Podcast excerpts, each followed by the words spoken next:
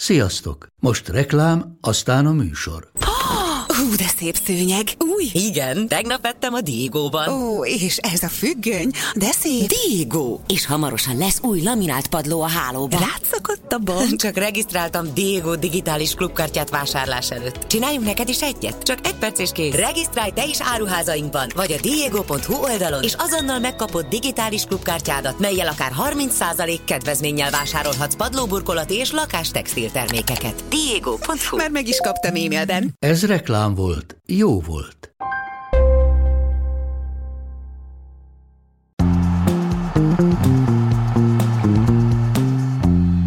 Ismét itt a Kazinci ese, méghozzá egy nagyon nagy kedvencel, meg két nagyon nagy kedvencel, hogyha itt a résztvevőkre pillantok, mert hogy itt van Márta Bence és Szabó Krisz is velünk, úgyhogy természetesen, ha már Beni elfogadta a meghívást, és állandó tagjaként ezt miért ne tette volna a kazinciesének, akkor egy kicsit megpróbálunk elmélyülni abban a témában, hogy az olaszok mennyire kreatívak akkor, amikor a középpályásaikat, illetve az ő szerepkörüket és posztjukat el kell nevezni, és akkor itt már is szerintem talán a legfontosabb kérdést és kérdéskört pendítettem meg, mert vannak olyan olasz elnevezések, amelyek konkrétan a posztra vonatkoznak, ilyen például a trekvártiszta, vagy ilyen például a Regista, és vannak olyanok, amelyek inkább a készségekre, mint a Fantasista, amely nem egy poszt, hanem valakit illetnek azzal, mint ahogyan például talán utoljára Tottit ebben a kategóriában, de hát ugye Totti sok szerepkörben fordult meg, szóval kicsit próbáljunk rendet tenni itt ebben az iszonyatos kavalkádban, csak hogyha felsoroljuk, hogy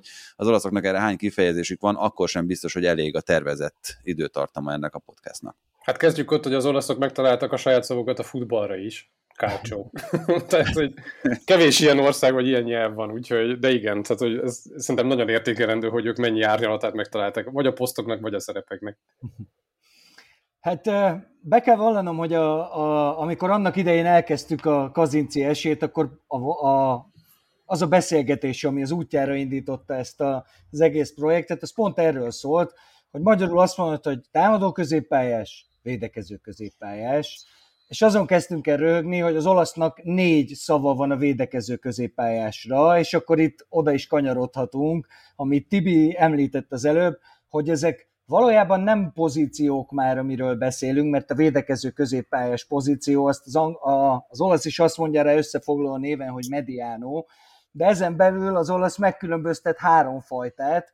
Ugye van ez a mediano di spinta, az, aki azért egy picit előre is merészkedik, ha nem is passzokkal, de leginkább labdavezetése, és van ez a Mediano de Paggio, aki pedig konkrétan, hát én magamban úgy neveztem el, hogy Edgar Davids, aki a pálya minden pontján feltűnik, és bár védekező középpályás a posztja igazából, valójában a támadásokban is részt vesz, Sőt, hogyha nagyon akarjuk, akkor a regisztrát is a védekező középpályások közé vehetjük, abból a szempontból, hogy bár neki nem feltétlenül a védekezés az elsődleges feladata, de a, a magyarba átkúszott ilyen szakkifejezések ugye általában úgy néznek ki, hogy a számokkal írjuk le, a, a klasszikus számozás szerinti számokkal írjuk le a szerepüket, és ugye a hatos, ami magyarul védekező középpályást jelent, olaszul azt mondják, hogy hatos az általában egy regisztrát fog jelenteni, ami ugye egy ilyen mélységi irányító. Egyébként, ja bocs, még ehhez akartad? Ö, nem, nem, mondd csak, mondd csak. Hogy ez nagyon érdekes, hogy majdnem minden nyelvben megvannak ezek a sajátosságok, tehát a spanyolban, az olasz mellett, vagy a németben is találunk olyat, ami, ami egészen furcsa és kivételes. Például nekem a németben, ami nagyon nagy kedvencem, ha már itt a védekező középpályásoknál kezdtünk, az az Abroimer, ami, hogyha a szó szerinti jelentést vesszük, az az, aki leszedi a terített asztalt, tehát eltakarít magyarul, és ott ezeknek a középpályásoknak, ami egyébként szintén a német köznyelvben egy bevett kifejezés, az a feladatuk, hogy ahogyan a szóból adódik, takarítsanak, összeszedjék a labdákat, a védelem előtt dolgozva már egy kicsit megkönnyítsék a védősornak a feladatát.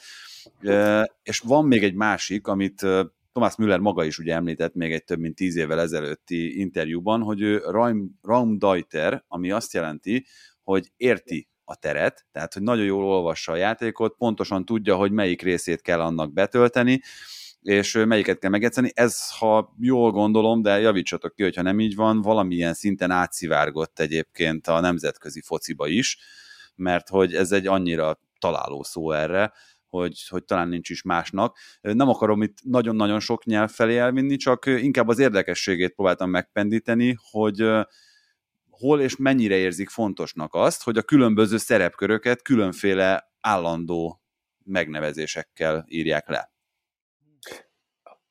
Akkor hadd ragadjam meg gyorsan itt a, a lehetőséget, hogy ajánljak egy könyvet. Itt van a kezemben amúgy, de aki esetleg nem látja, vagy nem nézi, vagy úgy hallgatja, akkor mondom, az a cím, hogy Do You Speak Football?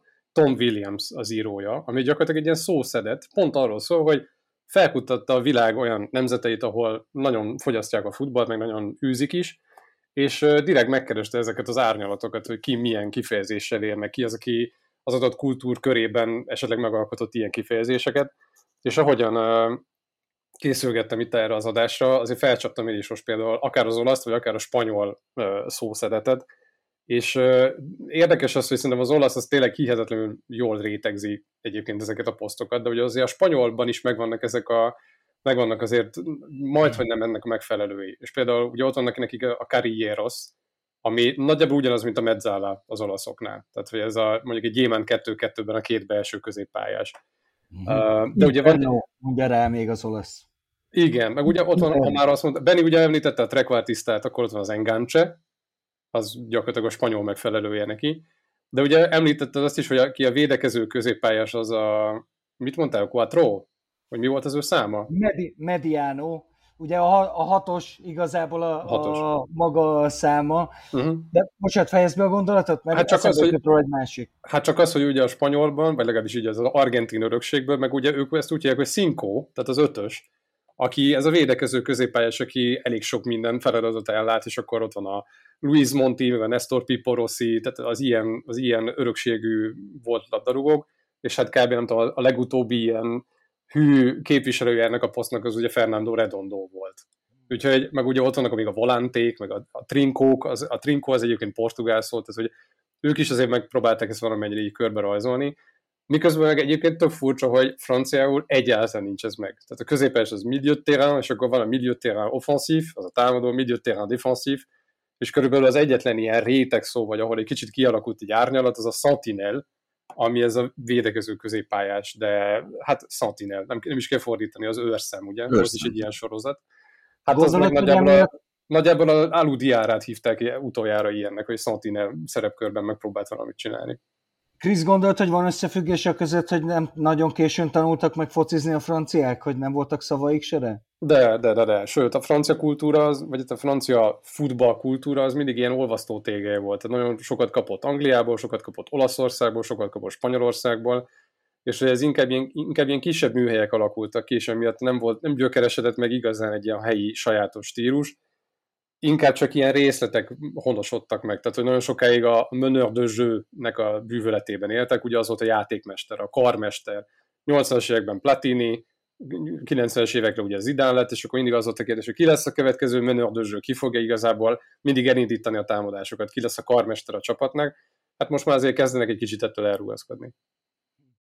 Igen, egyébként a másik, amit mondtunk, és szerintem egyébként talán itt a futball globalizálódása miatt szerintem ez az irány az, ami, ami erősödni fog. Minden nyelvben, és itt beleértve az angolt is, ahol szintén egyébként ugye a pivot, box-to-box kifejezések már megkülönböztetnek valamilyen szinten szerepköröket, abba az irányba megy, hogy számokat mondunk. Ugye a németeknél is azért főleg ugye ez a Doppelzexer, meg Achter, tehát ott is nyugodtan mondják azt, hogy 6-os, 8-as, 10-es a különböző középpályás szerepkörökre, és azért amennyire nézem az olasz sajtót, ott is most már szerintem jobban dívik ez, még ezeknél az egyébként borzasztó találó elnevezéseknél is, hogy számokkal jelölik meg az egyes posztokat, mert egész egyszerűen eh, ahhoz mondjuk nem feltétlenül kell a múltat annyira ismerni, nem feltétlenül kell külön magyarázatot fűzni hozzá, hanem azt tényleg globálisan mindenki elsőre felfogja, hogy mi az, amikor arról beszélsz, hogy 10-es, 8-as vagy 6-os. Igen, bár az olaszok ezt olyan messziségekbe is elvitték, hogy például van szerintem olyan szó, ami sem, sehol máshol nincsen, illetve más nyelvekben, mondom ezt úgy, hogy nem tudom, csak feltételezem. Nem tudom, hogy hallottátok-e már a mezzapunta nevű kifejezést, ami azt jelenti, hogy középpályás csatár, ez, az, ez tipikusan az, ami, amikor beszéltünk arról, hogy mikről fogunk beszélni, akkor a fantasistának tulajdonképpen a leírása. Ez valójában az a játékos, aki, én magamban így fogalmaztam meg, hogy az a játékos, akinek a lábán van a labda, amikor a támadó harmadba ér. Tehát ez lehet, hogy egy középpályás, de ő igazából egy csatár, egy fantaszista, ami a, a legszörnyűségesebb, rettenetesebb, és előre és elnézést mindenkitől, ez a fazonszabász. Talán ez, ez írja le a legjobban, hogyha nem lett volna ez, ez a szó belet döngölve a földbe, és Népsportdíjas kifejezés. Igen, és másfél köbméter trágyát nem hordtak volna rá, akkor ez írná le talán azt, hogy miről beszélünk. Ha valaki keresi, akkor ez az általatok említett Totti, Roberto Baggio, esetleg Alessandro Del Piero, tehát ezek a, ezek a figurák. Én azt gondolom egyébként az olasz nyelvben, vagy az, az olasz szaknyelvben, hogy annyira régi hagyományokra nyúlik vissza, meg több évtizedes hagyományaik alakultak ki, hogy minél hosszabb, vagy minél több idő telt el, annál valószínűbb, hogy találkoztak már olyan emberrel, vagy jelenséggel, ami egyedivé tett valamit, és amiatt elnevezték róla. És akkor ott van például a, a Franco Bollatore, aki ez a, ez a bélyegjátékos, tehát rendesen ez a levél bélyeg, aki ugye tapad az ellenfeléhez, és ez ugye a Trapattoni volt tipikusan ilyen játékos, és hogy ezt kb. róla nevezték el.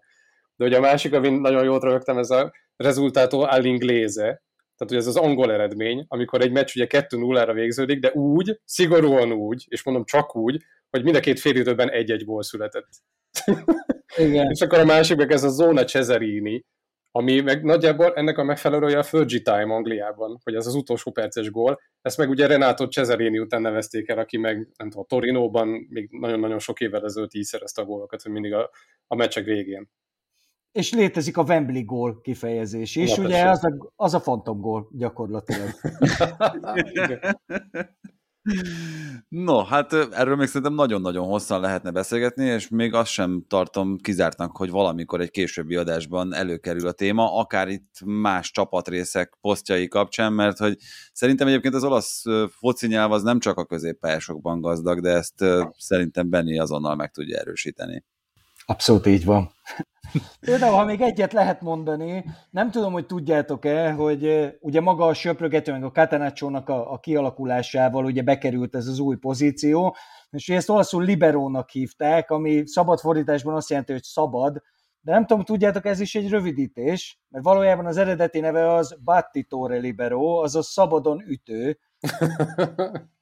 ugye beszédes, és aztán ugye ő az, akiből aztán a Regista poszt is kifejlődött később, tehát már volt később más feladat is, de amikor először az első liberók megjelentek, akkor az ő feladatuk még általában az ütésvágásban kimerült. Na hát akkor valamikor a közeljövőben még biztos, hogy erről is beszélünk. A mostani meghallgatást nagyon szépen köszönjük. Benny Krisz, nektek pedig a közreműködést. Jövő héten is keressetek minket. Ha más podcastekre is kíváncsi vagy, hallgassd meg a Béton műsor ajánlóját. El tudod képzelni, hogy a podcastet, amit éppen most hallgattál, fél év múlva már a mesterséges intelligencia generálja? Mi sem. De ha érdekel, eljötte már a gépek lázadása. Hallgass bele az Embertelen podcastbe. Orsós Lajos vagyok, a műsor házigazdája. Egyelőre még élőben. Egyelőre. Fedezzük fel együtt, hogyan ismerkedik, randizik, mesél és vitatkozik Betty és Péter, két teljesen mesterséges intelligencia. Lajos, a podcast címét mond még egyszer, Léci. Oké. Okay. Embertelen podcast. Ez a műsor a Béton közösség tagja.